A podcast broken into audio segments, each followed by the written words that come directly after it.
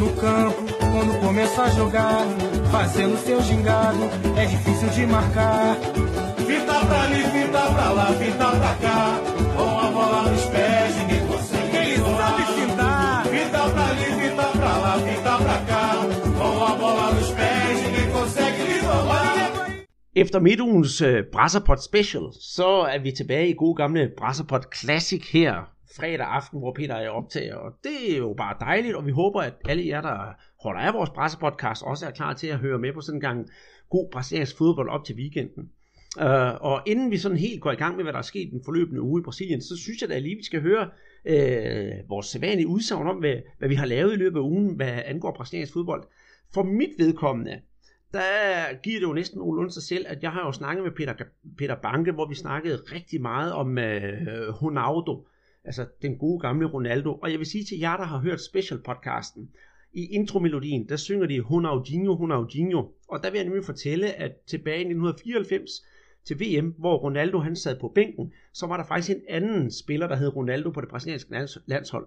Og han blev så kaldt Ronaldão, og det er jo så betyder den store Ronaldo, og så den anden, den originale Ronaldo, han var så Ronaldinho. Så på et tidspunkt lidt senere hen, der blev der mange sådan, ja, der tog fejl af både af ham, Ronaldinho Gaúcho, ham med det, ham med det lange hår, de grimme tænder, og så vores øh, normale Ronaldo, der kun har grimme tænder. Så har vi fået lagt den i graven. Øh, hvad har du så fået din uge til at gå med, Peter?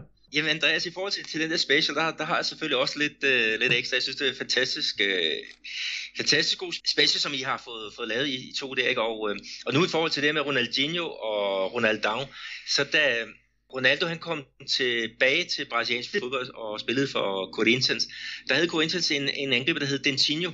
Og Dentinho, det betyder jo lille tand. Ja. Ronaldo med hans øh, store fortænder, så blev han så øh, døbt øh, Dentão, altså den store tand.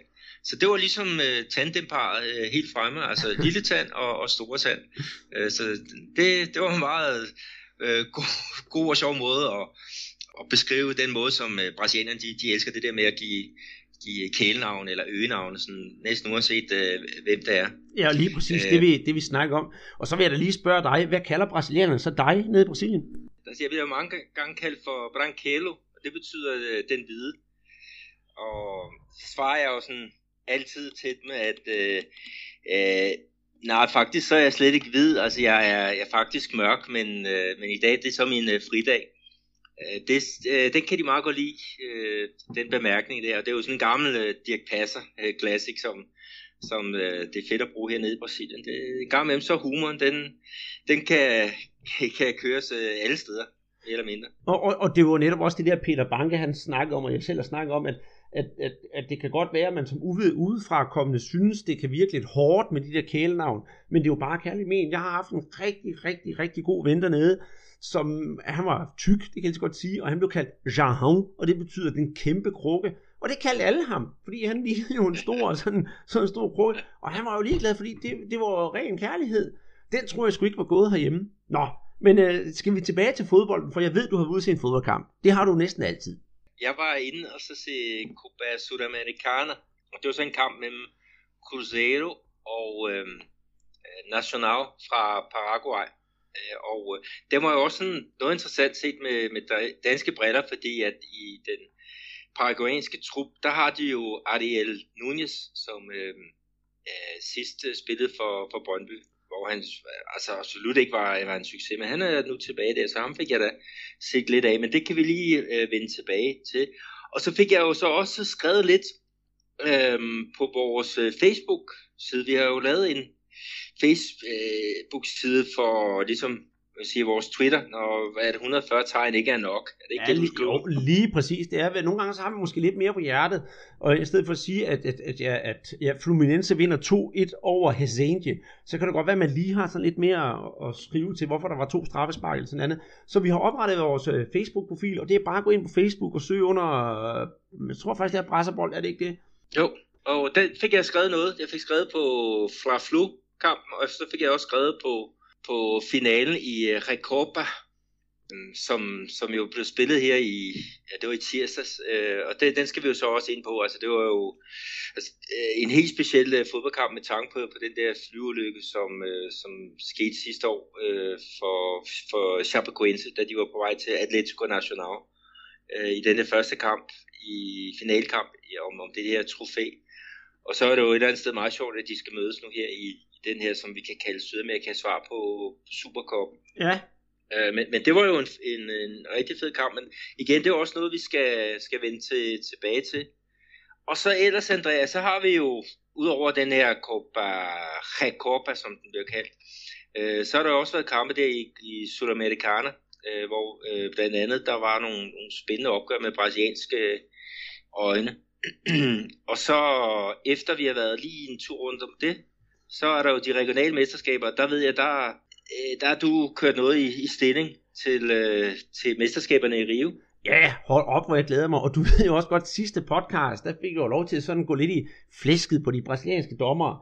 Og sørge med, om ikke også den her gang, jeg har fundet noget at blive sur på. Og det er strukturen, vi skal snakke om. Og så udover kampene, så skal vi også snakke lidt om, om strukturen. Ja, det, ja, det, kan, det, bliver, vi, det kan vi ikke komme ud Det bliver fedt. Så skal vi forbi øh, min delstat, hvor der har været Clásico Mineiro øh, mellem Cruzeiro og Atletico.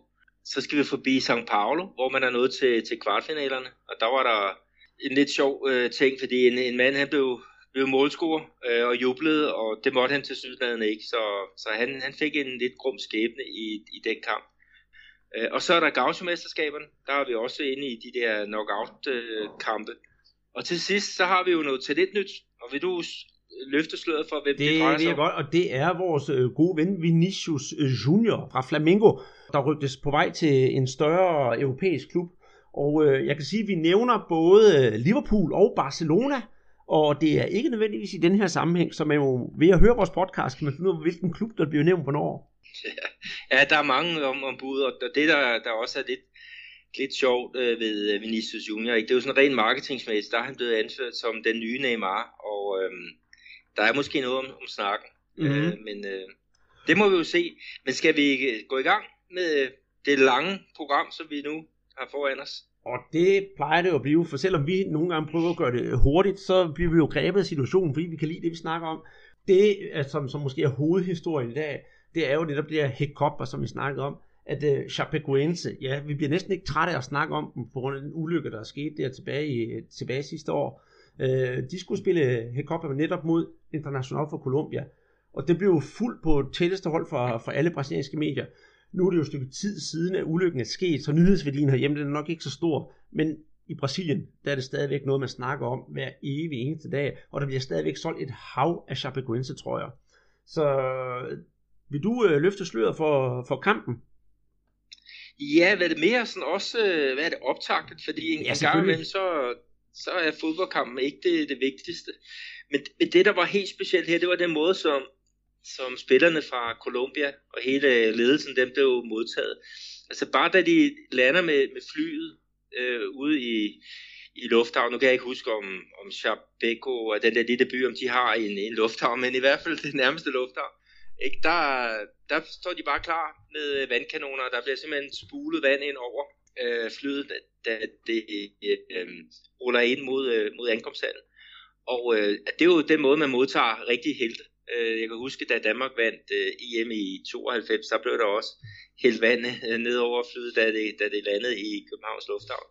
Så det var sådan, det startede. Og så var der ellers æresport, øh, bestående af ungdomsspillere fra Chapecoense, at det iført den der grønne øh, trøje. Og øh, da så spillerne fra Atletico Nacional, de kommer så ned gennem der, så får de jo så en eller anden fortjenstmedalje fra, fra bystyret i øh, Chapeco, og øh, der står fans udenfor øh, for at, at hylde øh, øh, de her spillere fra, fra Colombia. Øhm, så, så alt i alt, så var det jo sådan en, en, en måde, som man typisk ikke ser øh, øh modstanderen bliver modtaget øh, på, når, når det gælder en, en vigtig kamp. Det er jo immer væk øh, af Supercupen, de, de spiller om. Men her, der var der altså ikke noget med fyrværkeri ude foran deres øh, hotelværelse aften før. Altså, de blev virkelig øh, behandlet med respekt og øh, med, med rigtig stor kærlighed. Og det er der ikke noget at sige til med, med den måde, som, som øh, Atletico Nacional, de reagerede på, på det der frygtelige øh, flyulykke, som, mm-hmm. som ramte klubben Chapecoense der i, det var den, jeg tror faktisk, det var 29. november sidste år. Ja, og, og, og... Men hvad, jeg kom til at tænke på, Andreas, altså, hvad, hvor var du henne, da, da det skete? Jo, hvad, hvad tænkte du?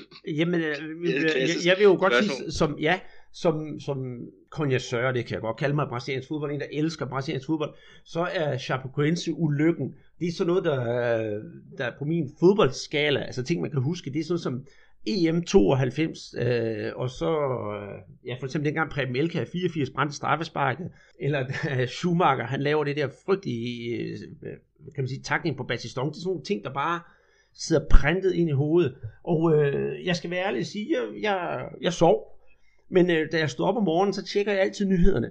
Og så kunne jeg jo godt se, at der var, der var et eller andet ravruskende gal, og min telefon, der var det bonget ind med nyheder fra diverse brasilianske fodboldmedier, og om noget med et fly, der var styrtet ned, og sådan noget.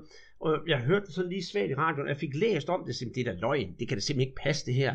Det må være, det må være et eller andet, der ikke har noget med fodbold at gøre, i hvert fald. Det, hvem er det, der har styrtet ned, og så kommer jeg på arbejde, og så begynder folk at fortælle mig, har du set, der er fly, der styrte ned, har du set, der er fly, der styrte ned? Og så begyndte jeg at undersøge tingene nærmere og nærmere, og så løbet af dagen, jeg var nok lidt fraværende.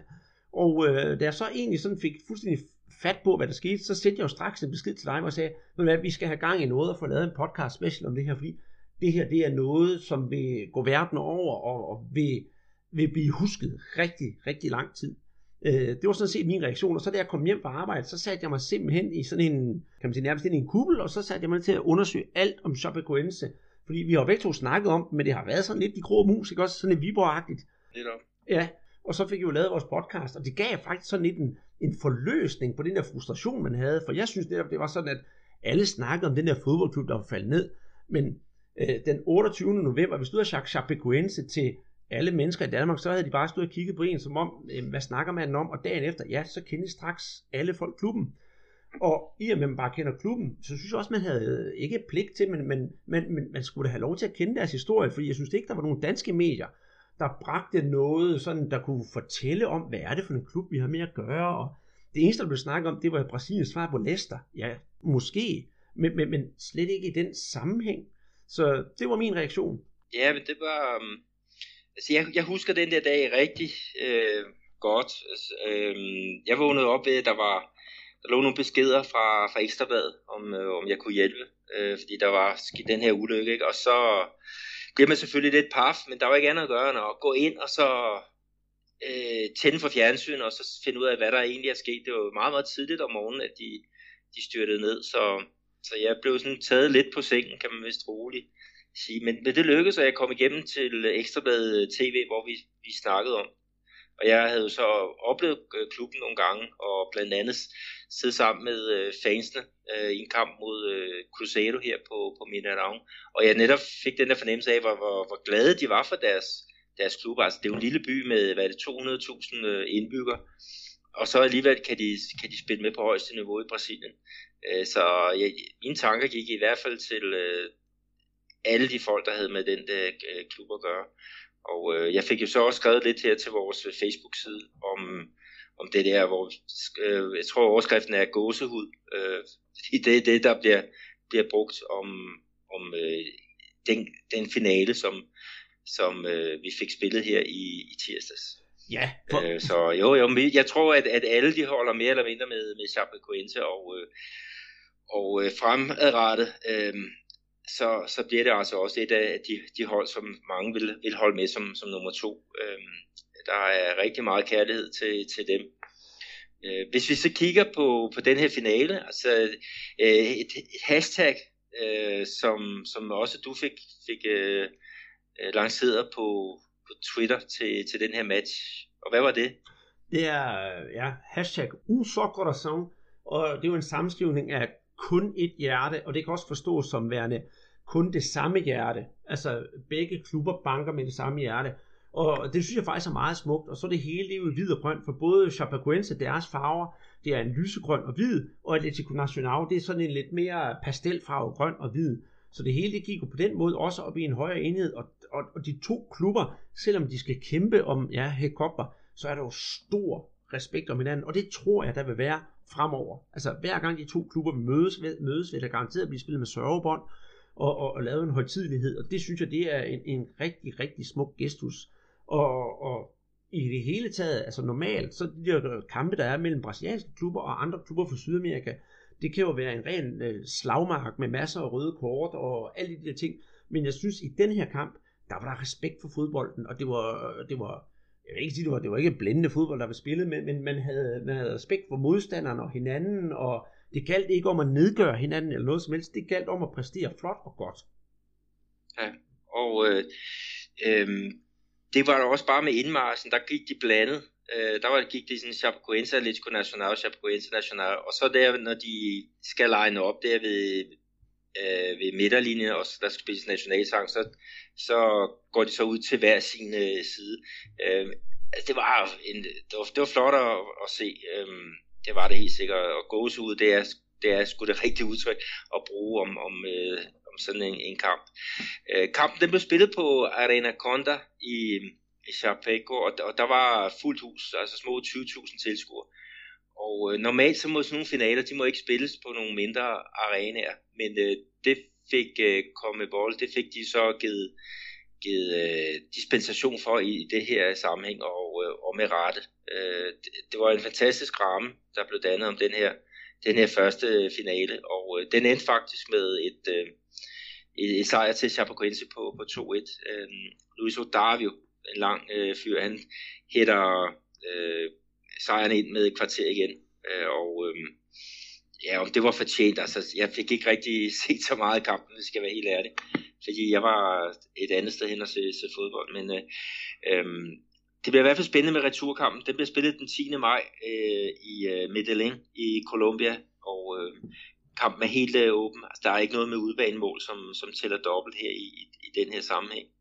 Øhm, og så jo, vi skal lige have med Tullio øh, Di Melo, øh, den tidligere OB-angriber.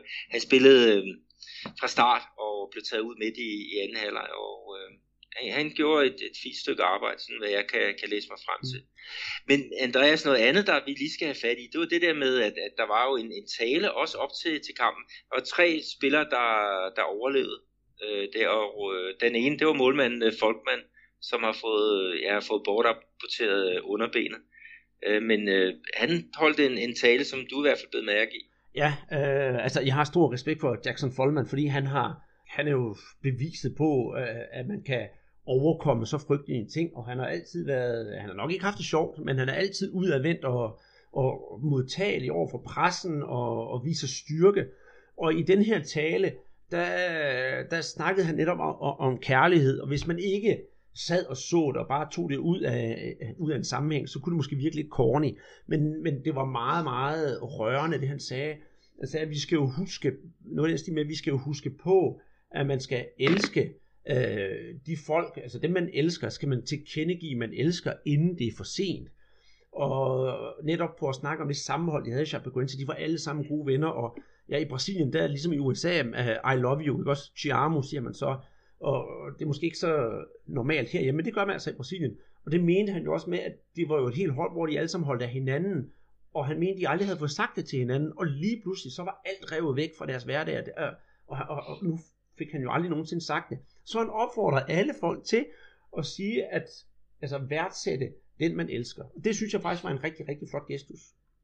Ja, en god pointe. Altså, han sagde jo også, at man skal ikke vente på et flystyrt for nej, at komme lige, nej. Til, til sådan ord. Øh, og det var det, han har erfaret der. Og folk, med, han er en, man, man følger på, jeg kan sige tæt, med ja, medierne, de følger jo hans genoptræning. Altså da han fik den der, ja, det kunstige underben, ikke? Og, og her forleden, der fik han så tennissko på for, for første gang. Så han, han laver virkelig nogle, nogle fremskridt, og han er blevet af, hvad hedder det, han har fået arbejde i klubben også, hvor han skal arbejde med administration, og sikkert også noget, noget marketing. Øhm, så, så det er i hvert fald dejligt at, at følge hans øh, fremskridt øh, på, på den front. Men der, der er stadig noget polemik omkring det her, fordi at, øh, altså, der er mange familier at, fra de efterladte, som ikke er, er tilfredse. Altså, de synes, at Chapecoense, de har mere brugt det her sådan på, på at, um, at få lanceret klubben, øh, lavet marketing omkring øh, klubben, og har ligesom glemt, hvad, at der er altså nogen, der sidder i den anden ende med, øh, med, med store tab. Altså, de har godt nok fået udbetalt noget, noget pension og noget godtgørelse, men, øh, men øh, sådan hvad jeg har kunne, kunne læse mig frem til, så er der mange af familierne, som har været, jeg har synes, at Chapecoense har, har været for lang tid om at, at udbetale øh, de penge, som familierne har haft øh, krav på, også i forbindelse med, med gørenhedskampe og alle de ting, som der er, er blevet sat i, i værk. Mm. Og øh, der var et rygte om, at, at, øh, at øh, træneren, øh, Carl Junior, som jo faldt ned, da han blev 51 år, at familien skulle have lagt en øh, sag an mod Chapecoense, hvor de forlanger omkring 60 millioner øh, kroner i, i øh, erstatning, øh, fordi han var på arbejde, og de har sådan regnet ud, han havde 20 år tilbage at arbejde, og øh, med, med hans øh, hvad skal jeg sige, gennemsnitlige løn øh, på, på 3 millioner om året, så, så var, var 60 millioner et færre resultat. Sønnen har jo så været ude og afvise det, øh, siger, at det er et helt surrealistisk beløb, og det er taget ud af, af en eller anden underlig sammenhæng. Men, men øh, der er ingen tvivl om, at der er nogle af de der familier, som, som er noget ked af, at, at de måske ikke har fået den støtte, som, som de havde håbet øh, på, og den støtte, som de havde ja, sikkert trængt til efter den her frygtelige øh, ulykke, som ja, har, har reddet øh, mange familier øh, helt i, i stykker. Mm. Men, men, men må, ikke det, må ikke det kommer på et tidspunkt, at man måske skal væbne, med, øh, væbne sig med tålmodighed? Ikke at jeg overhovedet har noget indsigt i, hvordan det skal foregå, men, men jeg tænker på, at øh, altså, de der familier, de ser måske bare Chapecoense promoveret meget i fjernsynet alle medier, og så føler de måske ikke, at de får den opmærksomhed, de skal have. Og der var jo også det med, at øh, man, man skulle støtte Chapecoense, og så vidt jeg orienteret, der så er FC Barcelona den eneste klub af fodboldklubber for eksempel, der rent faktisk har givet en økonomisk øh, hjælp til Chapecoense og familierne. Alle har snakket om at hjælpe, men de eneste, der har givet nogle reelle penge af, af fodboldklubber, det er FC Barcelona. Ja, det er jo en flot øh, gestus af dem. Øhm, men jeg kunne nu altså, øh, altså jeg, jeg synes et eller andet sted, at, at øh, de beløb, der, der er tale om her, altså, man, man skal lave nogle aktiviteter, altså ligesom vel, som man har gjort det med de her velgørenhedskamp, øh, Brasilien mod Colombia, der blev spillet i, hvornår var det, var det januar måned, øh, dem var jeg set ind og, og se, øh, og der, der kom der et overskud øh, ud af det, altså, øh, dem der er trøjesponsor for, for Sharp Coenza, de har jo også lanceret nogle, nogle trøjer, hvor at hele overskud går til, øh, til, til klubben, og vel forhåbentlig også til øh, de, de efterladte. Men altså, jeg, jeg ved ikke helt, hvordan den der fordeling er, men altså, man kunne måske godt få det indtryk, at, at Chapecoense, de øh, selvfølgelig også er lidt af, af nød, de, de gør alt for at, at blive funderet til en, en øh, fremtid øh, blandt de store klubber her i, i Brasilien. Og, og, det, uh, og der sidder der altså nogle familier tilbage og føler, at, at, at de ligesom bliver bare uh, sat til, tilbage. Men mm. altså, fodboldklubberne, de skal jo også arbejde. De har jo ikke tid til at sige, okay, nu skal vi jo vente på familierne og alt det andet. Altså, de skal jo have et hold, der kan præstere på, på lørdag. Øh, og, og sådan en rekonstruktion, det er også sportslig ledelse, alt muligt andet. Det har der taget en, en masse, masse energi, så, så jeg kunne godt forestille mig, at, at de ikke har lagt så meget arbejde i at, at støtte familierne, sådan som de, de sikkert har haft intentioner om. Men, men jeg synes, vi skal nok øh, prøve at, at følge det på nærmeste hold. Og hvis man er interesseret i at høre lidt mere om, ja, netop det der med Chapecoense, så, så kan man begynde at høre vores Chapecoense special, øh, der handler om, om selve ulykken. Og, og så synes jeg også, vores anden, eller den anden special, vi har lavet med DR's øh, korrespondent Christian Allenblad, den er sådan, der er sådan lidt distanceret i forhold til Chapecoense ulykken, men vi snakker stadigvæk om den, og, og, og der kan man også få et rigtig godt indblik i klubben, og Christian, han er så den eneste af os tre, der har været i Chapecoense, og han kunne nemlig fortælle, hvordan det var på, på, på nærmeste hånd. Men hvis vi skal vende tilbage til det sportslige, hvad, hvad tror du så, vi skal forvente af returkampen i Medellin? Bliver det uh, lidt uh, af samme skuffe, hvor vi respekterer hinanden, og så gør det måske ikke så meget, hvis, øh, hvis, hvis man taber? Forstår du, hvad jeg mener? At, at det, det, det er mere højtideligheden, der er vigtigt frem for spillet, eller tror du, der bliver gået til stålet? Nej, jeg tror, jeg tror, der bliver også lavet en masse øh, Ja, det er aktiviteter, øh, hvor man mindes den her flyulykke, og, og netop også prøver at, at, at hedre hinanden. Øhm, og det, det er jeg selvfølgelig rigtig, rigtig glad for. Selvfølgelig skal der kæmpes øh, 100% på, på banen om, om øh, den her samlede øh, titel Supercup. som måske ikke betyder så meget i det samlede billede. Altså det er jo Copa Libertadores, der er, er det helt store her, ikke? og det er jo Atletico Nacional, der, der vandt den. Men, øh, men øh, jeg, jeg, jeg tror, vi får en øh, igen en, en øh, skal vi kalde det en, en gribende øh, kamp, øh, hvor igen det går meget øh, ud på også at vise respekt for, for modstanderen.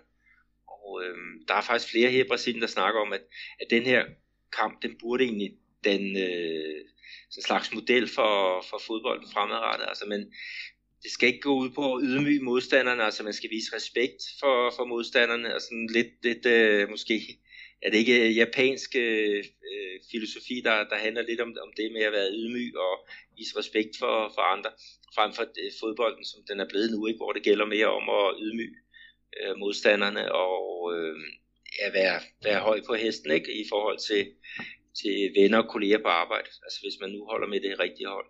Øh, nu når vi egentlig har fat i Chapecoense, skal vi så gå over til at snakke om øh, aftens eller dagens næste punkt, som netop er Copa Sudamericana, øh, ekvivalenten til ja, øh, UEFA-koppen her i Europa.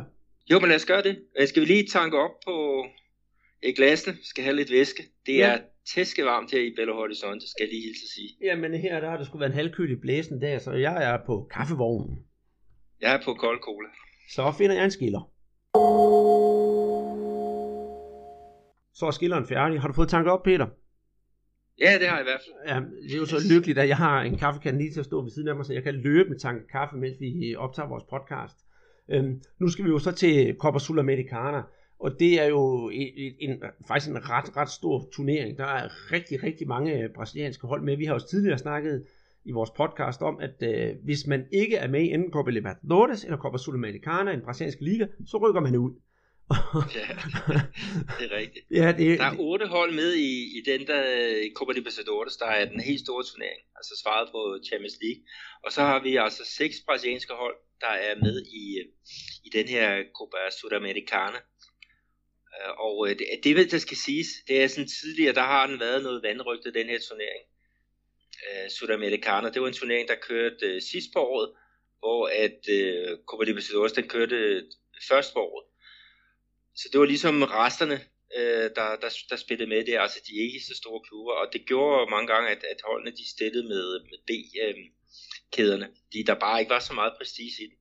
Men nu har de gjort det, at, at vinderen af Copa Sudamericana, de får altså en, øh, en plads i Copa Libertadores øh, næste år, og så er der også det, at i stedet for at køre det første år, det, det andet, eller det første halvår og det andet halvår, så kører de to turneringer parallelt.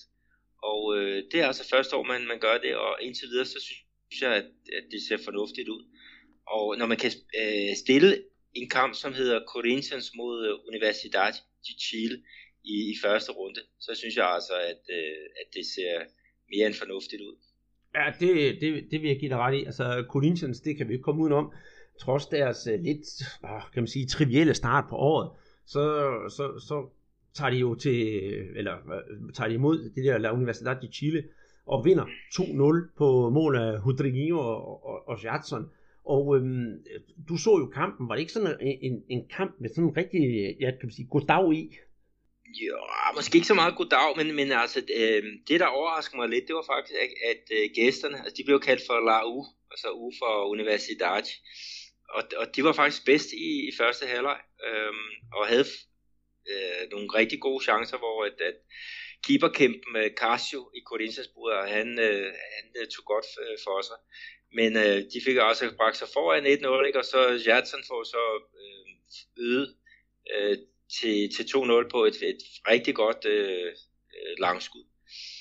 Øh, men øh, om det var fortjent, altså jeg, jeg, synes, jeg synes faktisk, at den skulle have endt uafgjort, men, men øh, resultatet, ja, altså nu er der returkamp her om Øh, jeg ved faktisk ikke engang, hvornår der er returkamp. Men altså, Lau, og sådan som de spillede, så kan de sgu godt øh, volde øh, Corinthians øh, store problemer. Og 2-2, så skal de jo ud i straffespark, og så kan, kan alt jo ske. Men der var jo en lidt, lidt sjov episode i, i den her match. Altså, en, øh, bolddrengene, det er jo ikke sådan nogen på, på 12-13 år med, med bøjle på tænderne. Altså, det er jo voksne øh, mænd, og der er nogle steder, hvor det faktisk er, er kvinder, som er, har jobbet som øh, bolddreng. Og her der har vi altså en, en bolddreng, som er, han er sgu nok nogen af 30 år, øh, jeg skyde på, at at øh, han skal aflevere bolden til en af, af øh, Laus spiller, en der hedder Jara. Og, og så slipper han bolden lidt nonchalant ned for, for fødderne af, af, af universitetsspilleren. Og så skubber han sådan lidt til ham, altså Jara som han hedder, han skubbede sådan lidt til ham, bolddrengen, eller boldmanden. Og så falder han så om, som om han er simpelthen blevet ramt af en Mikkel Kessler øh, lige venstre. Ikke? Øh, det er altså en, øh, en bolddreng, som har arbejdet for Corinthians i 8 år, og så bagefter så sagde han, at det her skuespil, det gjorde han altså, for, fordi han ville uh, trække et uh, gult kort til, til Jara, eller måske et rødt kort, og dermed uh, hjælpe Corinthians. Og, og der er jo det, jeg tænker, hvad, altså hvad sker der dog i, i den her verden? Jamen lige præcis, og, det, og det falder jo lidt i tråd med det, vi snakkede om i sidste uge med, med dommerne. Og, og, og, og, og gudskelov, så var det jo en, en forholdsvis okay dommer, vi havde den her kamp. Men tænk, hvad der kunne ske, hvis det havde været, ja, hvad var det, han hed? Injo, som, som, som dømte den her Flaflu-kamp. Det, også, det kunne have endt frygtelig galt. Ja, det, det er ikke godt. Og, det, og der er også, øh, jeg så en kamp her i, i sidste, sidste uge øh, mellem Atletico Mineiro og Cruzeiro, og der er der faktisk en bolddreng, som får en advarsel, og en anden en, som bliver bortvist, fordi de får lang tid om at, at, at, at slippe, slippe bolden til, til, det rigtige, til den rigtige vand. Ikke? Altså, de trækker tiden, fordi mm. hjemmeholdet fører. Ikke? Men, men det er jo den måde, de, de mange gange bliver instrueret af, af arrangørerne af kampen. Øhm, og det er jo noget, noget trist noget. Altså noget andet trist, der også var, det var efter kampen. Øhm, der var der tumult inde på stadion mellem fansene fra Universidad de Chile og, og det brasilianske politi. Og øhm, jeg har set nogle billeder derfra, og hvis vi starter med fansene, øh, så kan man blandt andet se, hvordan de, de sparker på, på sæderne for at frigøre øh, eller stolene for at frigøre de her plastiksæder, og så bliver de ellers bare svunget som sådan en frisbee hen mod, øh, mod politiet. Øh, og øh, øh, politiet, altså de tager altså også øh, hårdt fat. Altså for det første så trænger de jo de her fans op mod et, et hegn, og jeg vil da, hvis jeg var i den gruppe, jeg ville da få klaustrofobi og ville prøve at, at kravle op over det der hegn. Altså, det er der ingen øh, tvivl om.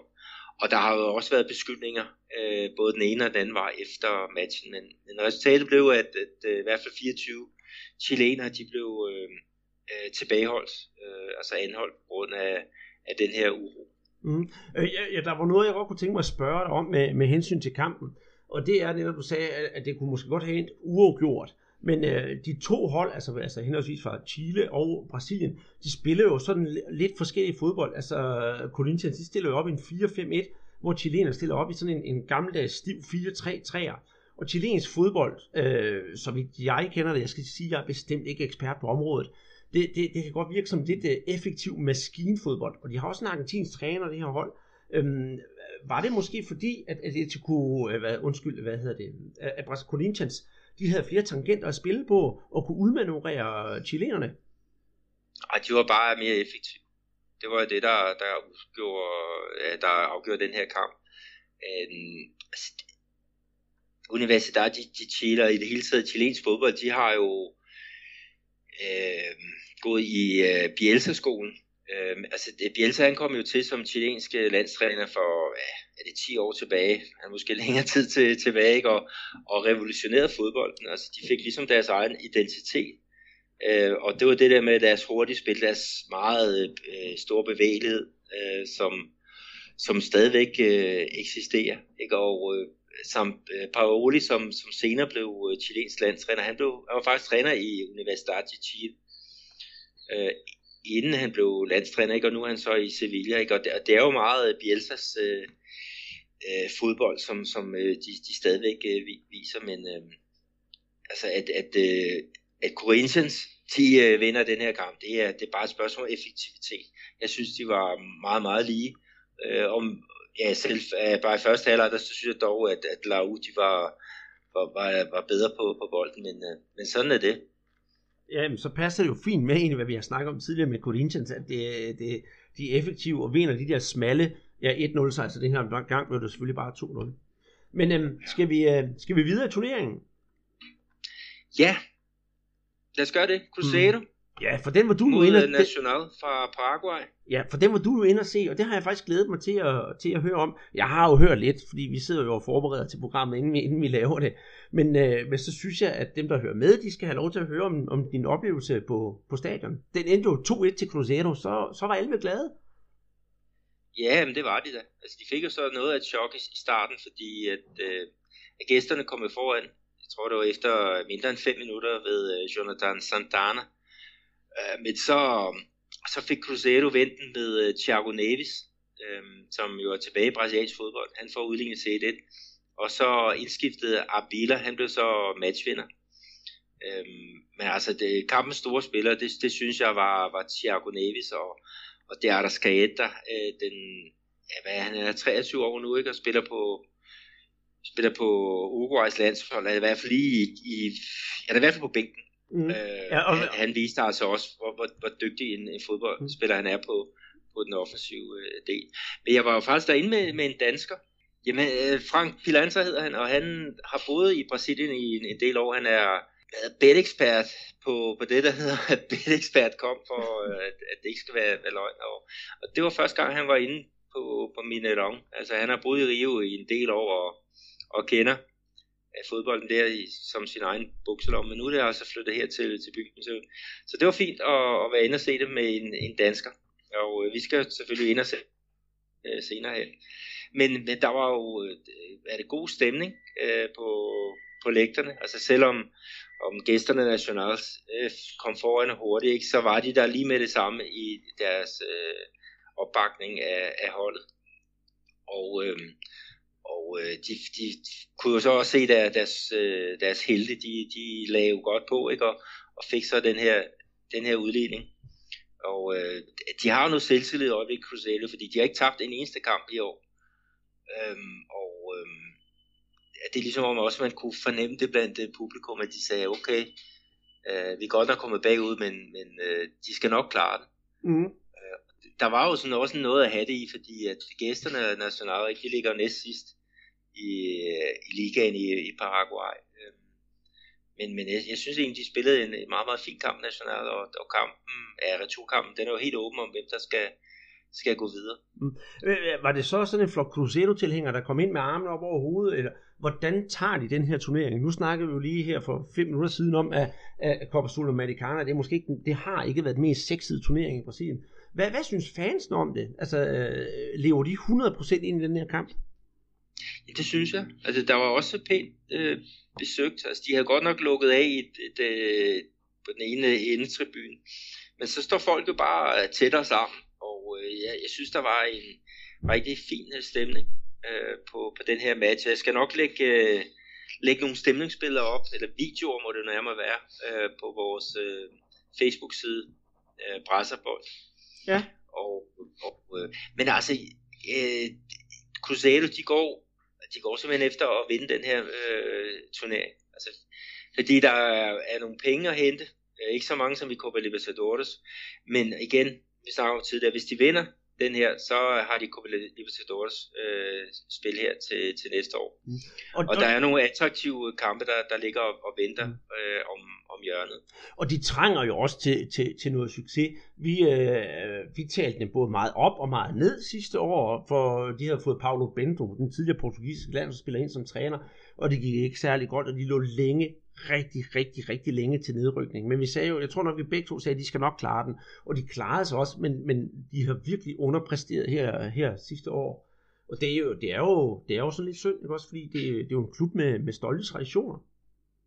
Ja, men det kalder sig jo Major de Minas, altså de største i Minas, altså staten af Minas Gerais. Øh, og, og det, det siger de jo også, selvom vi har jo Atletico Mineiro, som også øh, ligger her. Det er sådan deres måde at vise, at de er, af storebror. Mm. Og, de, og de har jo fået, øh, altså med holdet nu, nu snakker du netop selv om uh, de Arrasquieta, og, og jeg ved, øh, det, det vil du nok helst ikke selv huskes på sidste år, at vi havde på et tidspunkt en stor diskussion om ham, hvor jeg sagde, ah, men, men han gjorde det jo også godt, og så sagde du, ah, men det har han ikke gjort, og så ugen efter, der floppede han fuldstændig, og så to uger senere, så skulle han jeg tror ikke, han skulle have hat så skulle han to mål. Så han har været meget op og ned, og jeg synes faktisk, som jeg har set ham, at han er ved at finde formen og være en rigtig, rigtig habil spiller på det her Cruzeiro-hold. Jamen, det er ham, der, der afgør øh, rigtig mange af, af kampene, og det kommer vi også ind på, på lidt senere, når vi skal snakke om de statsmesterskabet i, i Minas Gerais. Altså, jeg, jeg spår øh, deres karriere en øh, stor fremtid, og han skal nok også komme til europæisk fodbold. Øh, og han bliver sikkert en dyr herre, øh, men, men, øh, og han kan også blive flop i Europa. Det skal nok ikke have nogen øh, tvivl om, men han kan også blive en, en kæmpe succes. Øh, men han har været lidt lang tid om at, at finde fodfæste øh, i, i Crusader. Altså det har været, som du selv siger, han har været noget svingende. Men øh, når, han, øh, når han glimter med sine kvaliteter, ikke, så, så ved man så, at det er en ekstraordinær spiller, øh, vi, vi snakker om. Og han er jo lynhurtig, det er jo også en, en af hans fordele.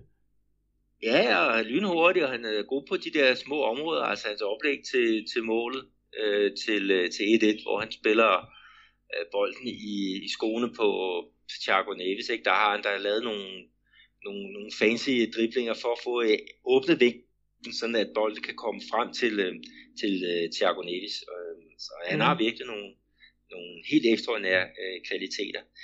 Øh, jeg vil lige tage med, Andreas, at øh, Nunez, som jo var i, i Brøndby, han, han øh, kom faktisk øh, på banen det sidste kvarter. Så jeg havde jo spået, at han, han var i startopstilling, og det havde de også inde på øh, Bold. Men øh, han starter altså ude øh, i den der øh, 4-4-2, og så kom han ind og lå som øh, angriber sådan meget, meget centralt.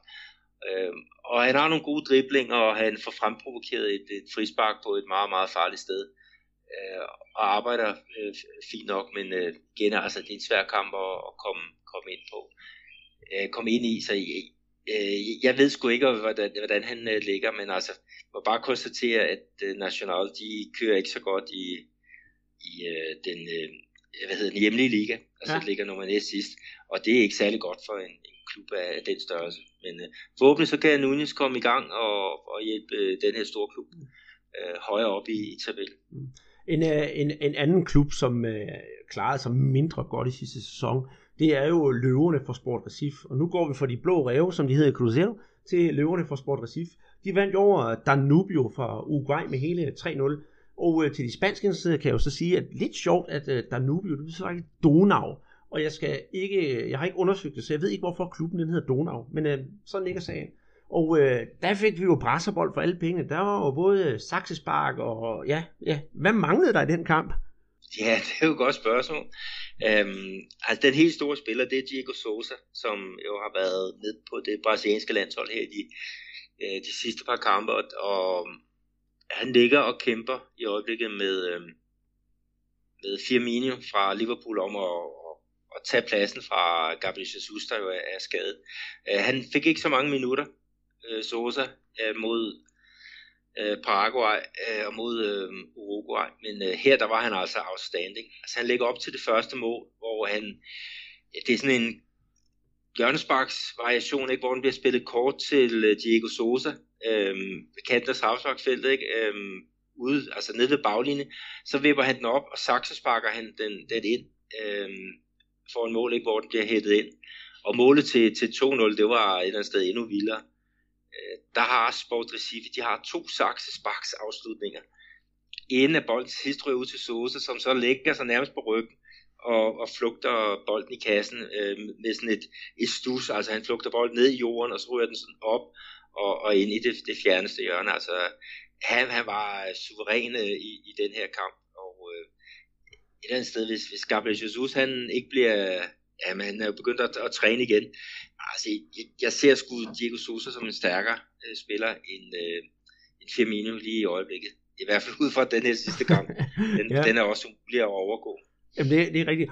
Og, og, og sådan for at komme videre i programmet, så Firmino, det giver jo den mest lækre overgang til næste, til næste kamp, som er, jo ikke ringer, ingen ringer end uh, Fluminense, som mødte et andet Uruguayansk hold, nemlig Liverpool. Ja, I hørte rigtigt, Liverpool. Og det er selvfølgelig opkaldt efter klubben Liverpool. Og der vandt øh, Fluminense 2-0. Det er der jo ikke så meget at sige til. Richarlison scorer, og ja, altså hvis det ikke er skarpe skarpe, så er det Richarlison. Øh, skal vi sige øh, på den måde, at Fluminense de har simpelthen fundet deres, øh, deres angriber nu. Nu har de klar til, til den kommende sæson i den brasilianske liga. Richarlison og Skarpe Skarpe. Ja, og så var det øh, Enrique Dorado, han scorede faktisk det, det første mål. Um, og han er også en, en vigtig en. Altså, de har jo solgt Fred, og de har, de har solgt en, øh, hvad er det, han hedder, Cicero, ham ja. har de solgt til St. Paulo. Og det er jo virkelig to nøglespillere, ikke? Og, og det er sådan mere, mere unge spillere, der, der kommer frem nu. Og Richarlison, han er også med på U20-landsholdet, hvor han, øh, hvor, ja, de havde ikke en speci- specielt øh, god turnering her i kampen om det sydamerikanske mesterskab, og de, de kiksede øh, VM-kvalifikation. Men Richarlison, han gør det rigtig godt for, for Fluminense. Øh, det må man sige. Og så Felipe Vizeu, han gør det jo også rigtig godt for, for Flamengo. Han var også en af de, de spillere, som var med på det brasilianske 20-landshold, som, som floppede her øh, tidligere på året. Men det er fedt at, at se, at, at, øh, at øh, de, de kan under den nye træner Abelão, ja. Abel Braga, som, som er sådan udadtil, han virker sådan meget hård lyser, men han, han har været god til at, at, ja, at føre Fluminense gennem den her, øh, det her generationsskifte, som de egentlig har, ja, er i gang med. Mm. Og det kan man sige, det er jo et fantastisk resultat. Det er jo anden gang, at der er et brasiliansk hold, der vinder over Liverpool. Jeg ved ikke, hvad du ved, om du ved, hvor jeg vil hen her. Åh, oh, men du, du har dine flamingobriller Flamingo-briller på. Jamen, det har jeg da lige fået for i, tilbage i 1981, der spillede uh, Flamingo og Liverpool om det, der hedder Toyota Intercontinental Cup. Det var så det dengang, der hed VM for klubbold, hvor Flamingo vandt 3-0 over, ja, faktisk et rigtig stjernespækket Liverpool-hold. Øh, de Liverpool-fans, jeg kender, de siger men samme om kampen, med Liverpools øh, spillere, de havde drukket hele natten, og derfor vandt de ikke, men øh, lad det nu ligge. Øh, hvor man ting er, så var det en ret, et retfærdigt resultat, og det bringer os fint over til den næste kamp, for hvad for en tror du, jeg vil snakke om der? Ja, det er den St. Paulo, de var, var ude i. Ja, og de spillede mod et hold fra Argentina, der hedder, hold nu fast, Defensa i, ja nu siger det selvfølgelig portugisisk, min spansk er ikke så godt, Defensa i Justicia, altså øh, hvad det, øh, justits og forsvar, altså øh, hvad, hvad er det for en klub? Er det, er det en, du kender noget til? For jeg kender ingenting til den ord. Jeg synes, det har et, et morsomt navn. Nej, ja, det, det var også en, jeg stussede lidt over. Jeg skulle finde ud af, hvor pokker de egentlig holdt til, men det var så Argentina. Øhm, det, det er nogen, jeg skal have kigget lidt på. Men det blev 0-0 øhm, resultat, og, og det vil sige, at uh, São Paulo de har fået et rigtig godt udgangspunkt, når de mødes på Morumbi her i, i uh, returkamp. Uh, de spiller ude og hjemme her uh, i, i, i den her hvad det, første fase af turneringen. Og så vi, vi joket lidt med at sige, om det var et retfærdigt resultat. Altså det, vi skal jo have lov til at hygge os lidt på den, på den platte måde. ja, Jamen lige præcis. Den sidste kamp, hvor der har været brasiliansk hold involveret, der kan vi ikke øh, lave de store øh, jokes her. Men der kunne det være, at vi skulle have netop med lige argentinsk hold af Jonas Schwartz til at hjælpe os, for han er jo Argentina-ekspert. Det var Ponche Preta, der mødte Gymnasia Gimnasia La Plata fra, fra Argentina, og det var også en, en 0-0'er. Jeg har kun set resultatet, så jeg kan ikke rigtig udtale mig om kampen. Øh, har du noget at sige til den? Jeg, jeg ved, at øh, William Potker, øh, jeg så noget af, kampen, og han har et par rigtig fine øh, afslutninger. Altså, det var en kamp, som, som Ponchi uh, øh, Preta, altså den sorte bro, som det betyder, at de burde have, have vundet, men, øh, men øh, de havde en god målmand, øh, Gymnasia, og øh, 0-0, det var et, et, et resultat, som argentinerne de kan være mest tilfredse med. Og vi kan lige sige at vi i forhold til gymnasiet, at, at, at der var rigtig mange danskere, der fulgte med den klub her for nogle år tilbage, fordi at, at det var det, at, at FC København de hentede en uh, transferfi uh, spiller, nemlig uh, Musis. Uh, men det, det blev jo ikke et, uh, en god uh, signing, som de, de fik, da han blev udlejet til, til uh, det italiensk fodbold, og så kom ja. han tilbage til Argentina, hvor han nu spiller for San Lorenzo. Mm. Men Andreas, nu skal du jo vente på de her returkampe, men, øh, men øh, allerede her næste uge, så er der jo igen sydamerikanske øh, kampe, men det er jo så ikke i den her turnering, det er jo i den større, det er Copa Libertadores, hvor man er i gang med, med gruppespillet, og der har jo så været landskomstpause, ikke? og så har der været pause her for at gøre plads til, øh, til øh, Copa Sudamericana. Men øh, der bliver jo også nogle, nogle spændende kampe at se frem til her i, i næste uge. Ja, og der er jeg ikke sikker på, øh, at vi måske er enige med, hvis jeg skal øh, lave min prioriteringsliste, så vil jeg jo selvfølgelig sige, at det er, øh, ja, i og med det hele Sydamerika, så er det jo et lokalopgør. Flamengo mod Atletico Paranaense. Altså et, et ægte brasseropgør, som skal spilles på Maracanã. Og de regner faktisk med, at der skal blive mere eller mindre udsolgt, så det skal nok blive øh, rigtig, rigtig stort. Derudover så tager Palmeiras, det er også en kamp, jeg rigtig godt kunne tænke mig at se, imod øh, storklubben Penarol. Det er også en, der har virkelig store traditioner i, i sydamerikansk fodbold. Atletico Mineiro med øh, Rubinho, de tager imod Sportsboys fra Bolivia, og Gremio mod øh, det Sporting i Cajique. Og hvor er det egentlig, de kommer fra? Det kan jeg ikke huske. Nej, ja, der er også lidt øh, pas der. Jeg, jeg tror faktisk, det er Bolivia, men øh, jeg har taget fejl før. Det er en af de der sådan, mindre klubber, som, som dukker op en, en gang imellem. Men, mm. øh, og så den sidste kamp, det er så Atletico Nacional, der tager imod øh, Botafogo. Og øh, der havde du noget med øh, 35-årige Mike Kong, havde du ikke det? Ja, fordi øh, den gamle landsholdsspiller, landsholdsbak, øh, han er i øjeblikket klubløs, og han træner i øjeblikket med for, for Botafogo. Og Botafogo, de mangler faktisk en højre bak lige i øjeblikket. De, deres to øh, på den position, øh, de er faktisk ude med længere skade, så, så hvem ved om, om det bliver Mike Honda, der får den plads. Altså, han er så ikke øh, i form, altså han har været klubløs her i, i 2007, og de fysiske træner siger, at der skal nok gå en måned, før han, at han er, er klar. Men øh, indtil videre, så træner han øh, med, med Riveklubben, og så må vi se, om de kan blive enige om, om noget. Mm. Jamen det er rigtigt, og øh, de sidste to hold, der er tilbage, det er henholdsvis Chapecoense og Santos. De spiller ikke i den kommende uge, de springer lige en uge over, men vi skal nok vende tilbage til det, og afhængig af, hvornår vi, vi optager, vi satser måske på at optage lidt tidligere på ugen, næste uge, så skal vi nok øh, holde øje med kampene. Ja, nu skal vi i gang med øh, at snakke om de regionale mesterskaber, og øh, vi starter i, i Rio, øh, hvor der har været sådan en fla-flu øh, Clasico, altså øh, duel mellem øh, Flamengo og, og Fluminense. Og den endte så 1-1 foran ja, 10.000 øh, tilskuere. Den var faktisk øh, den blev ikke spillet på Baracanã, den blev flyttet til nabostaten i Espírito Santo. Øhm, og jeg siger, hvad Fluminense kommer foran ved Wendel, og så får Flamengo udlignet med William Arau i, i overtiden. Men, men altså, Fla Flu, det er jo et af de helt store klassikos der, men men da vi snakkede sammen, der blev vi hurtigt enige om, at den skulle døbes øh, Fla-Flu Light, den her ene kamp. Ja, fordi den, den havde reelt set ingen værdi overhovedet. Og, og, og det, jeg så skal til at harme over nu, det er simpelthen den stu- øh, turneringsstruktur, der er i, i Rio. Først bliver der spillet en turnering, og så finder man vinder den, og så bliver der sørme spillet en turnering til, og så bliver det hele, for at gøre en lang kort, mixet sammen. Så man havde to puljer i anden turnering.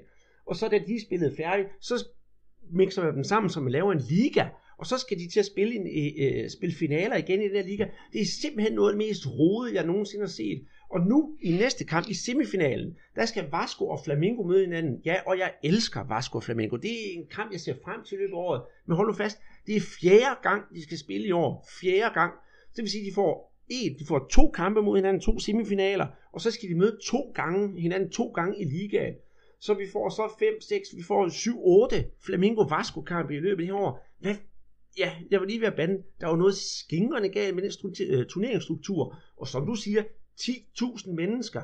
Folk skal betale penge, de skal rejse, og så skal de ind og se fodboldkampen. Turneringen den er jo fuldstændig udhulet og ligegyldig. Hvad, hvad, hvad, hvad, hvad byder man tilskuerne, og hvad byder man det hele taget folk? Jeg synes, at fodboldforbundet Rio, de har svigtet på det groveste, og Færøs burde sige, at vi laver det hele om på en eller anden måde, så de små hold nok skal få deres øh, 15 minutters øh, øh, berømmelse, mens de store klubber måske bliver holdt lidt mere i ro. Jeg ved godt, de skal også spille, men at de skal møde hinanden på, ja, i april måned, og så fjerde gang en øh, Flamingo Vasco. Er det, er, er, er, synes du ikke også, det er for meget det gode? Jeg synes også, det er, det er sindssygt. Altså Fluminense, de vandt den første turnering her, i den der hedder Tassa Guanabara, og nu er vi i gang med den, der hedder Tassa Rio. Men inden at vi har fundet øh, finalisterne, så ved vi allerede, hvilke fire hold, der skal spille om det samlede øh, Rio-mesterskab. Og der tidligere, der gjorde de sådan, at den første turnering, vinderen af den første turnering, øh, skulle så spille finale om det samlede Rio-mesterskab mod vinderen af den anden turnering. Så det, det gjorde sådan, det gjorde øh, turnering nummer to meget mere interessant. Øhm, men, men så det der med, at man, man sideløbende har, har, har kørt den der løbende øh, tabel, ikke? og så tager man de fire øverste, ikke? hvor det er de fire store klubber, der, der ligger der. Ikke? Det, det gør jo bare, at, at øh, de kamp, som, som der bliver spillet her i anden runde, ikke også, eller den anden turnering, de et eller andet sted bliver totalt bare spild af, af tid. Og når, når mange af klubberne de så stiller med deres B-kæde og, og deres øh, ikke rigtig prioriterer den her, ja, de her kampe, ikke? Det, det tyder jo også på, at der, der sker et eller, der er et eller andet, der er galt. Yep. Altså, jeg håber også, at, at delstatsmesterskaberne, ikke? de kører over 3-4 måneder. Og det, det, som man siger, det er, at man bruger det som opvarmning til de, den landstækkende turnering, CAA, SAB og så videre. Men øh, der er jo ikke nogen europæiske klubber, der bruger 3-4 måneder på sådan noget preseason på venskabskampe, øh, og, og, og det dur det ikke. Så øhm, jeg tror også, jeg har sagt det tidligere her i, i vores podcast, at for mig så burde man simpelthen bare stryge alle de her regionale mesterskaber, og så, så øhm, køre Serie A og Serie B med, med de, øh, den struktur, man har i øjeblikket. 20 øh, hold og ude og hjemme, og så får man fordelt kampene øh, over længere tid. I øjeblikket der er der altså hold, der spiller 60 kampe i løbet af et år, og det, det, det, det går altså ud over kvalitet. Og det, det er jo fuldstændig grotesk, og nu kommer vi jo så her efter med den semifinaler, der skal spilles, ikke også? Vasco Flamengo, det er den ene, ja, og hold nu fast, ud, hvor, hvor er vi overrasket over det, Botafogo og Fluminense i den anden. Det er virkelig øh, klassiske opgør i Brasilien, men, men efterhånden, så, så kan det jo være, at jeg hellere har lyst til at se en helt anden kamp, fordi ja, det er jo bare en gentagelse. Så de første de spændende klassikere kommer først i ligaen. For jeg tror heller ikke, at hverken Vasco, Flamengo, Botafogo eller Fluminense, de tager det her sønderligt højtidligt til sidst. Ja, vel at mærke, ja, vinderen af turneringen får 2 millioner real, det tilsvarende 4-4,5 millioner kroner. Men, men så er der heller ikke med i det, og så en pokal til at sætte hjem i skabet. Og både Vasco, Flamengo, Botafogo og Fluminense har ja, skabet fyldt af de her pokaler fra de sidste 30-40 år, de her statsturneringer. Så, så turneringen den har fuldstændig mistet sin værdi, og jeg ved, at øh, BBC's øh, fodboldekspert og superkorrespondent, der er nede i Rio, Tim Vickery, han har de sidste 20 år brokket sig over det her turneringsformat, og han siger, han håber på, at der snart sker noget. Jamen, og han har fuldstændig ret. Ja, men der sker noget, men det er også, som han forklarer, at øh, det er fordi, at, øh, at magtstrukturen i, i Brasilien, den, er, den ligger hos de der regionale fodboldforbund. Og hvis de øh, giver afkald på de her regionale mesterskaber, så, så mister de deres øh, indtægtsgrundlag.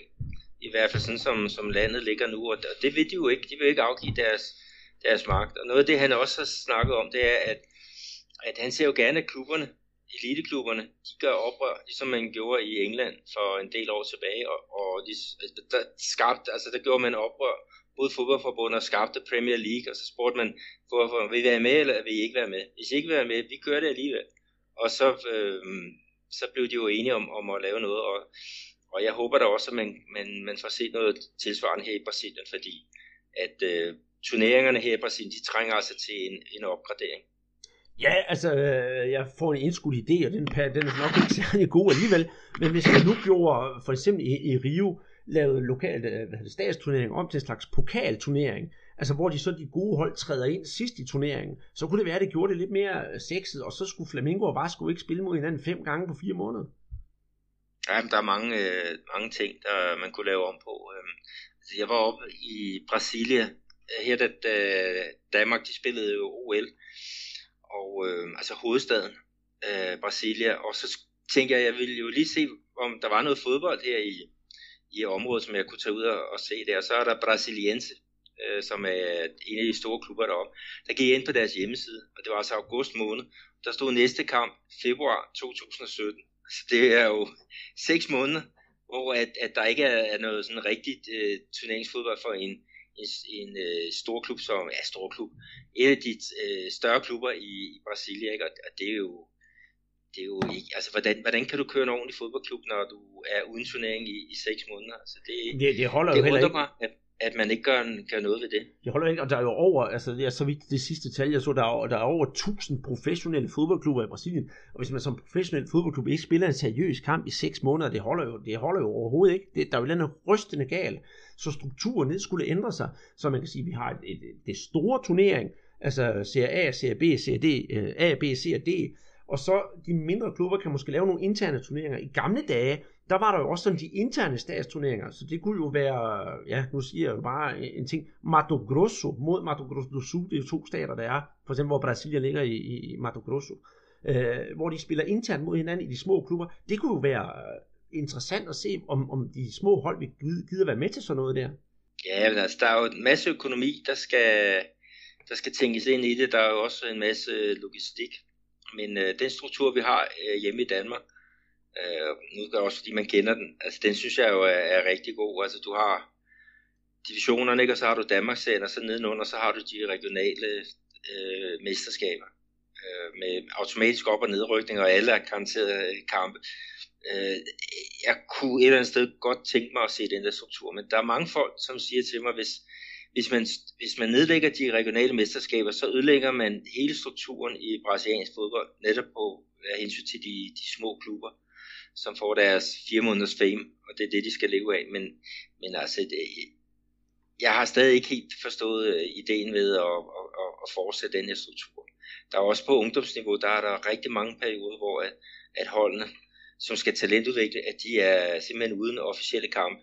Øh, og, og det er jo ikke, ikke passende. Amerika, Mineiro her, øh, som jeg bor tæt op af, øh, der er måske er det fem måneder i løbet af et år, hvor de er uden turneringsfodbold.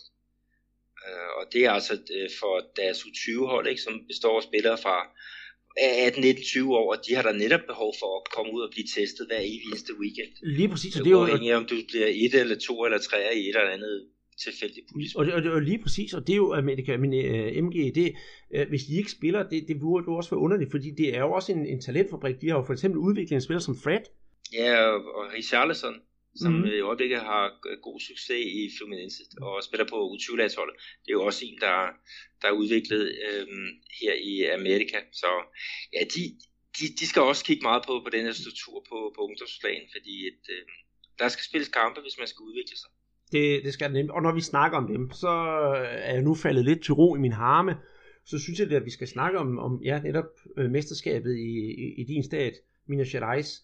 Og, og jeg ved godt, det ligger nummer tre, men øh, skal vi ligge ud med America Mineiro? Ja, jeg vil hellere starte med det, det Classico Mineiro, fordi der var jo kæmpe kamp på Mineirão mellem øh, Cruzeiro øh, og så Atletico Mineiro med øh, både Rubinho og, og Fred, og det, det var jo en spændende kamp forstået på den måde, at øh, Atletico Mineiro, de har jo de har slet ikke mistet et eneste point i, i den her turnering. Og omvendt så Cruzeiro, de har ikke tabt i år, og det er alle de turneringer, de har været med i. Og der var også, øh, altså vi snakker om det med, med godt værtskab, og, og her var der også ballade op til, til kampen. Altså, Cruzeiro, deres øh, øh, klubben der, de nægtede simpelthen, at øh, Atletico-tilhængere, at de måtte have flag, banner og musikinstrumenter med ind på, på, på Minerang. Altså, det, det havde de i hvert fald søgt om, at det blev forbudt øh, ved, ved fodboldforbundet her i, i Minas Gerais. Men øh, fodboldforbundet, de stod heldigvis fast og sagde, de må godt tage til de der ting med. Så, så der kom jo noget, noget stemning på, på lægterne, det var, det var fedt nok. Mm. Øh, selve kampen, det endte med en, en sejr på, på 2-1 til, til Cruzeiro. Øh, og det var en, der blev skabt af Thiago Neves, øh, som scorede det første mål efter oplæg fra De Arrascaeta. Øh, og øh, for at det ikke skal være løgn, så er det også de to, der, der bringer øh, holdet på 2-0. Det er så Arrascaeta, der, der, står for, for målet. Men, men øh, Fred, han blev simpelthen udvist efter 25 minutter for at have plantet en, en knytnæve i, i hovedet på, på Manuel. Hans, det er sådan en frispark, og så, så er de i duel, og Manuel holder nok lidt fat i ham øh, i Freds trøje, og så svinger han et knytnæve bagud over, ikke, og, og rammer Manuel lige i hovedet. Og så, så det var en helt, øh, helt fortjent øh, udvisning. Mm. Og så skal vi måske lige uh, få til, at uh, det reducerende mål for Atletico Mineiro, det blev scoret af ingen ringer end af Elias, som jo er tidligere landsholdsspiller. Ja, han gjorde det godt. Uh, det gjorde han. Han, han er jo, mm, altså det er, de bliver reduceret til, til 10 mand, ikke? der kommer han til nogle gode chancer. Han har også et spark på, på stolpen. Øhm, øhm, så ja, det var, altså, de får reduceret med bare 5 minutter igen, ikke? og så alligevel så, så får de jo et eller andet sted bolden i, i nettet øh, kort, kort tid derefter. Ikke? Så, øh, så de var ude og juble 2-2, øh, men øh, målet det blev rigtig nok øh, annulleret for, for offside. Mm. Øhm, en anden ting, vi lige skal have med måske, det er øh, Lucas Silva, ham der øh, blev solgt til øh, Real Madrid. Han er jo tilbage nu her i, øh, i Cruzeiro, og han, øh, han fik den sidste halve time og gjorde det en fornuftigt. Har et rigtig, rigtig godt langskudsforsøg. Så måske er han på, på rette vej igen efter, efter nedturen i, i Europa. Øh, men, men når vi snakker om stillingen, så kan vi sige, eller slutspillet, der vil sige, at Atletico Mineiro er klar, Cruzeiro er klar. Amerika, øh, de blev så også klar nu her, ikke? og så er der URT og Tom Bense, som kæmper om den sidste plads. Ja, og der skal jeg, må jeg komme ind nu der, der holder jeg klart med, hvad hedder det, øh, uh, URT, og det er kun på grund af navnet. ja, det er også fair nok. men, men øh, vi havde en, en lidt sjov episode, Øh, det var den, du fiskede efter. Øh, det var kampen mellem Tupi og America Mineiro. Øh, der kommer Tupi, de kommer faktisk foran 1-0, og det er sådan et lidt specielt mål, fordi at øh, hjemmeholdet Jaja, han dribler sig simpelthen igennem øh, øh, ja, hele vejen, og har, har frit mål, han har driblet forbi målmanden, og så laver han det, som vi kan huske fra skolegården, ikke? hvor han lægger den til rette på, på mållinjen, og så skal han vende sig om, og så helsparke den ind, altså den totale ydmygelse. Men så kommer uh, Tupis angriber Casarato. Og du kan jo huske, hvad, fortælle, hvad han hedder. Eller ja, hvad det betyder. Flavio Casarato, det betyder ham, der øh, jager, jager mus og rotter. Og øh, hvis man vil høre historien om ham, så skal man rent faktisk gå tilbage til vores aller, aller, aller første podcast, hvor vi lige til sidst i, i podcasten får, hele historien om, om uh, Michael Clausen, der har Brazilian Football College. Så det vil jeg anbefale, hvis man skal have hele historien om ham, og så høre vores allerførste udsendelse. Ah, men det er jo, er det rottefingeren? Rotte, ja. Rottefingeren her, han, han kommer jo så ind og, og, og er nærmest øh, toffiser bolden i, i, i kassen. Altså han stjæler Chargers mål. Øhm, og øhm, det, det var der jo selvfølgelig noget, noget diskussion om øh, bagefter, altså i forhold til om Charger han overhovedet kunne tillade sig at, at gøre det, om han ville få en advarsel for usportslig optræden. Øh, og, og så det andet der med Casarato, ikke, som, som øh, et eller andet sted stjæler, stjæler målet. Øh, jeg, jeg ved ikke, hvorfor han, han havde så travlt med at, at, at, prikke den ind, men øh, det, det så ikke ud, som om det var to, øh, to øh, holdkammerater, der havde respekt for hinanden. Det kan være, der er noget bonusordning og målscore, jo. Det kan jo godt være, jo. Nå, men øh, vi har i hvert fald øh, en spillerunde igen i, i grundspillet, ikke? og så skal vi i gang med, øh, med semifinalerne. Og det skal, det skal nok blive ved ikke om det skal blive spændende, altså alle de, de ved jo, at Atletico Mineiro og Cruzeiro, det er dem, der kommer til at spille finalen, og øh, det kommer, ja, der, der kommer nok ikke til at ske det helt store i de der semifinaler. Nej, det, det tror jeg heller ikke, og det er jo det, jeg har jo tidligere sagt, at det bliver Atletico Mineiro, der vinder turneringen, og det tror jeg stadigvæk på. Ja, der havde jeg så Cruzeiro, og ude fra forpremieren, så havde jeg jo ret, men ja. det må vi se. Vi, vi må have vores øh, fadøl på højkant igen. Ja. Skal vi videre til São Paulo? Jamen, det, det synes jeg bestemt, vi skal. Og i São Paulo, der er vi jo som sagt nået til kvartfinaler i turneringen. São Paulo, de vinder 2-0 over Linense på Modumbi. Og nu ligger det sådan faktisk sådan, at de skal spille begge kampe, både hjemme- og returkampe på Modumbi, fordi Linense stadion, det er simpelthen alt, alt for lille. Men øh, første kamp, der blev målet scoret af Lucas Prado, og så et selvmål. Jeg kan ikke huske, hvem det var, der scorede et andet mål. Det er nu også ligegyldigt i den her sammenhæng. Palmeiras, de vinder 3-1 ud over Novorodzinho. Er det ikke det, de hedder, Peter? Åh, oh, det kan nok passe. Vi tager den, vi tager den som den er. Og øh, vil du sige målscorerne? Ja, hvad, Roberto han bragte det undertippede hold foran 1-0, men så øh, fik øh, Dudu, Borja og Geddes, de får så vente så 3-1 med til, øh, til Arena Palmeiras, altså det, de må gå videre, øh, Palmeiras, og vi skal lige tage med, at han i forbindelse med øh, sit mål til, til 3-1, øh, så hopper han op i et hegn og fejrer med fansene. Det så ikke så voldsomt ud, men han hentede et god kort på det, og det blev så, da han havde et god kort i forvejen, så blev det så vækstet til et rødt kort, og han var selvfølgelig ked af det og græd, øh, da han øh, satte sig ud på, på bænken. Så, så det, var, det var rigtig dumt, øh, dum aktion af, af Gates. ja, det må man bestemt sige. Øhm, Corinthians, de spiller 0-0 ude mod øh, Botafogo fra São Paulo, så det er der ikke så ret meget at sige til. Og Ponte Preta, de vinder 1-0 hjemme over Santos. Øh, hvis vi skal tage danskerbrillen på, der kommer Kajke ind han, til sidst i kampen, men han gør jo altså ikke den, den store forskel. Hvis vi så går videre til uh, Gaussium-mesterskaberne, der er vi så i gang også med, med kvartfinalerne. Og sådan som, som det ligger nu og her, så er Novo Hamburgo øh, Grêmio International og Caxias, de ligger øh, til at gå videre til, øh, til semifinalen. Men øh, dem, den øh, vender vi tilbage til her i, i næste øh, ombæring. Så men Andreas, skal vi slutte af med, med lidt øh, talentnyt? Det synes jeg, vi skal. Og øh, skal vi ikke tage hul på at snakke om den nye Neymar, som vi har døbt Vinicius Junior fra Flamengo? Han, øh, ja, han har faktisk fået et tilbud fra en, en større europæisk klub, så lyver jeg bestemt ikke. Nej, han er eftertragtet, øh, og øh, det som Globo øh, de fortæller, det er, at i øjeblikket der er hans far og øh, sådan repræsentanter for, for det kæmpe, kæmpe firma, der hedder Traffic, som, som øh, han er spiller, de er lige i øjeblikket i Barcelona, og øh, der skal de jo sådan finde ud af, om, om, om de kan blive enige om noget på, på lidt længere sigt.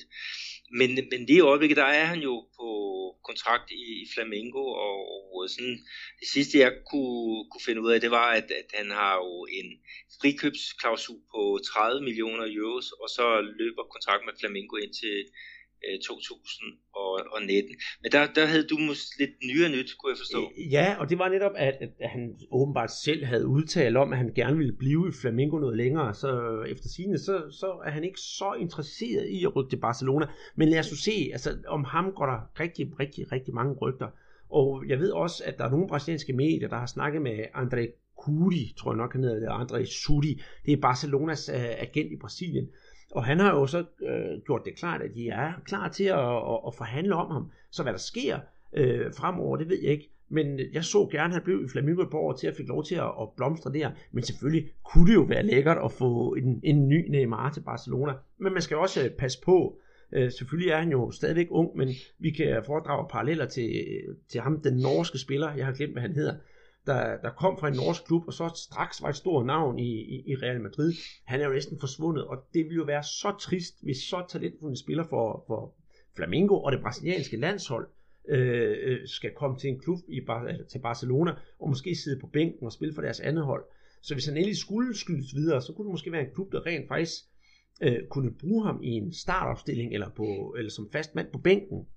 Ja, men vi, vi har tidligere snakket om de der øh, unge spillere, der, der kommer afsted. Altså David øh, Neves, han er jo lige blevet solgt til Ajax.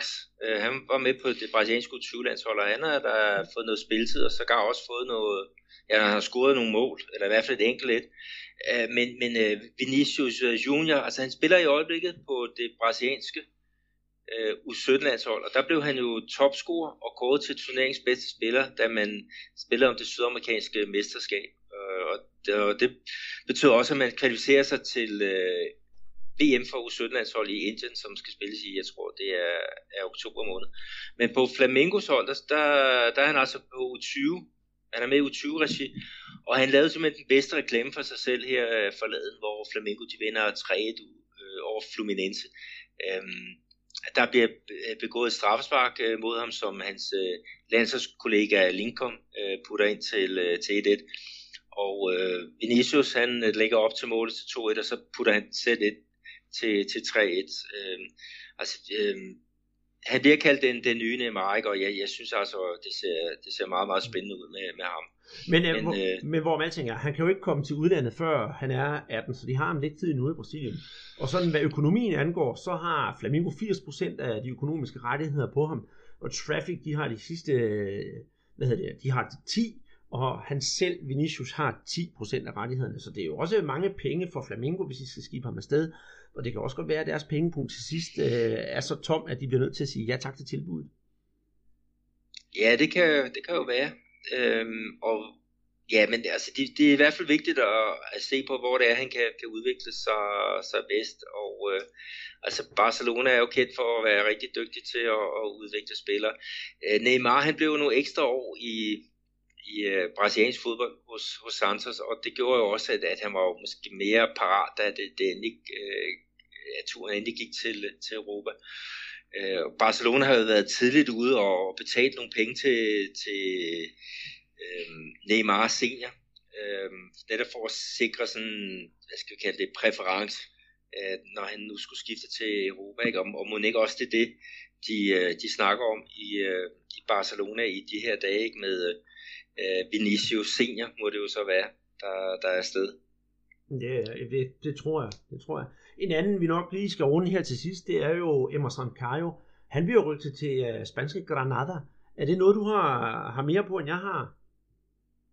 Jamen, ikke så meget andet, end at han, øh, han var topscorer for Corinthians, som øh, vandt U17-pokalturneringen her øh, sidste år. Han scorede øh, syv, syv mål, og øh, øhm, det var en, som, som øh, Corinthians gerne ville lave sådan en øh, seniorkontrakt med.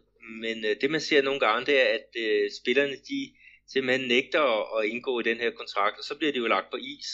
Så øh, Emerson Kajo, han har ikke spillet, jeg tror faktisk det er det sidste øh, halve år, øh, og, og det er jo den måde, klubberne her, de lægger pres på, på de unge spillere for at, at, at, at skrive under. Øh, men øh, han kommer til, til spansk fodbold, og ja, vi må jo vente og se, om, om det bliver en, en succes. Øh, men øh, Corinthians, det, det, blev, det ville han ikke, og øh, han ville til Europa, og øh, han fik sin vilje. Ja, det, det må man sige. Og med, og med netop her, Emerson Caio, der fik sin vilje og kom til Europa, der synes jeg, vi skal lukke podcast ned for den her gang. Og ja, nu kan vi jo sige endnu mere. Husk at følge os ind på Twitter, snabla Brasserpot, og på vores øh, Facebook, også Facebook-Brasserpot. Og ja, gå ind på iTunes og giv os et like, for det vil vi blive rigtig, rigtig glade for. Og så kan det også være, at andre folk vil høre, til vores, høre vores podcast. For vi vil jo gerne ud til så mange som overhovedet muligt, der bare holder af god fodbold, eller specielt dem, der holder af brasiliansk fodbold, eller har tilhørsforhold til Brasilien. Så med god weekend, siger Andreas Knudsen og Peter Arnholdt.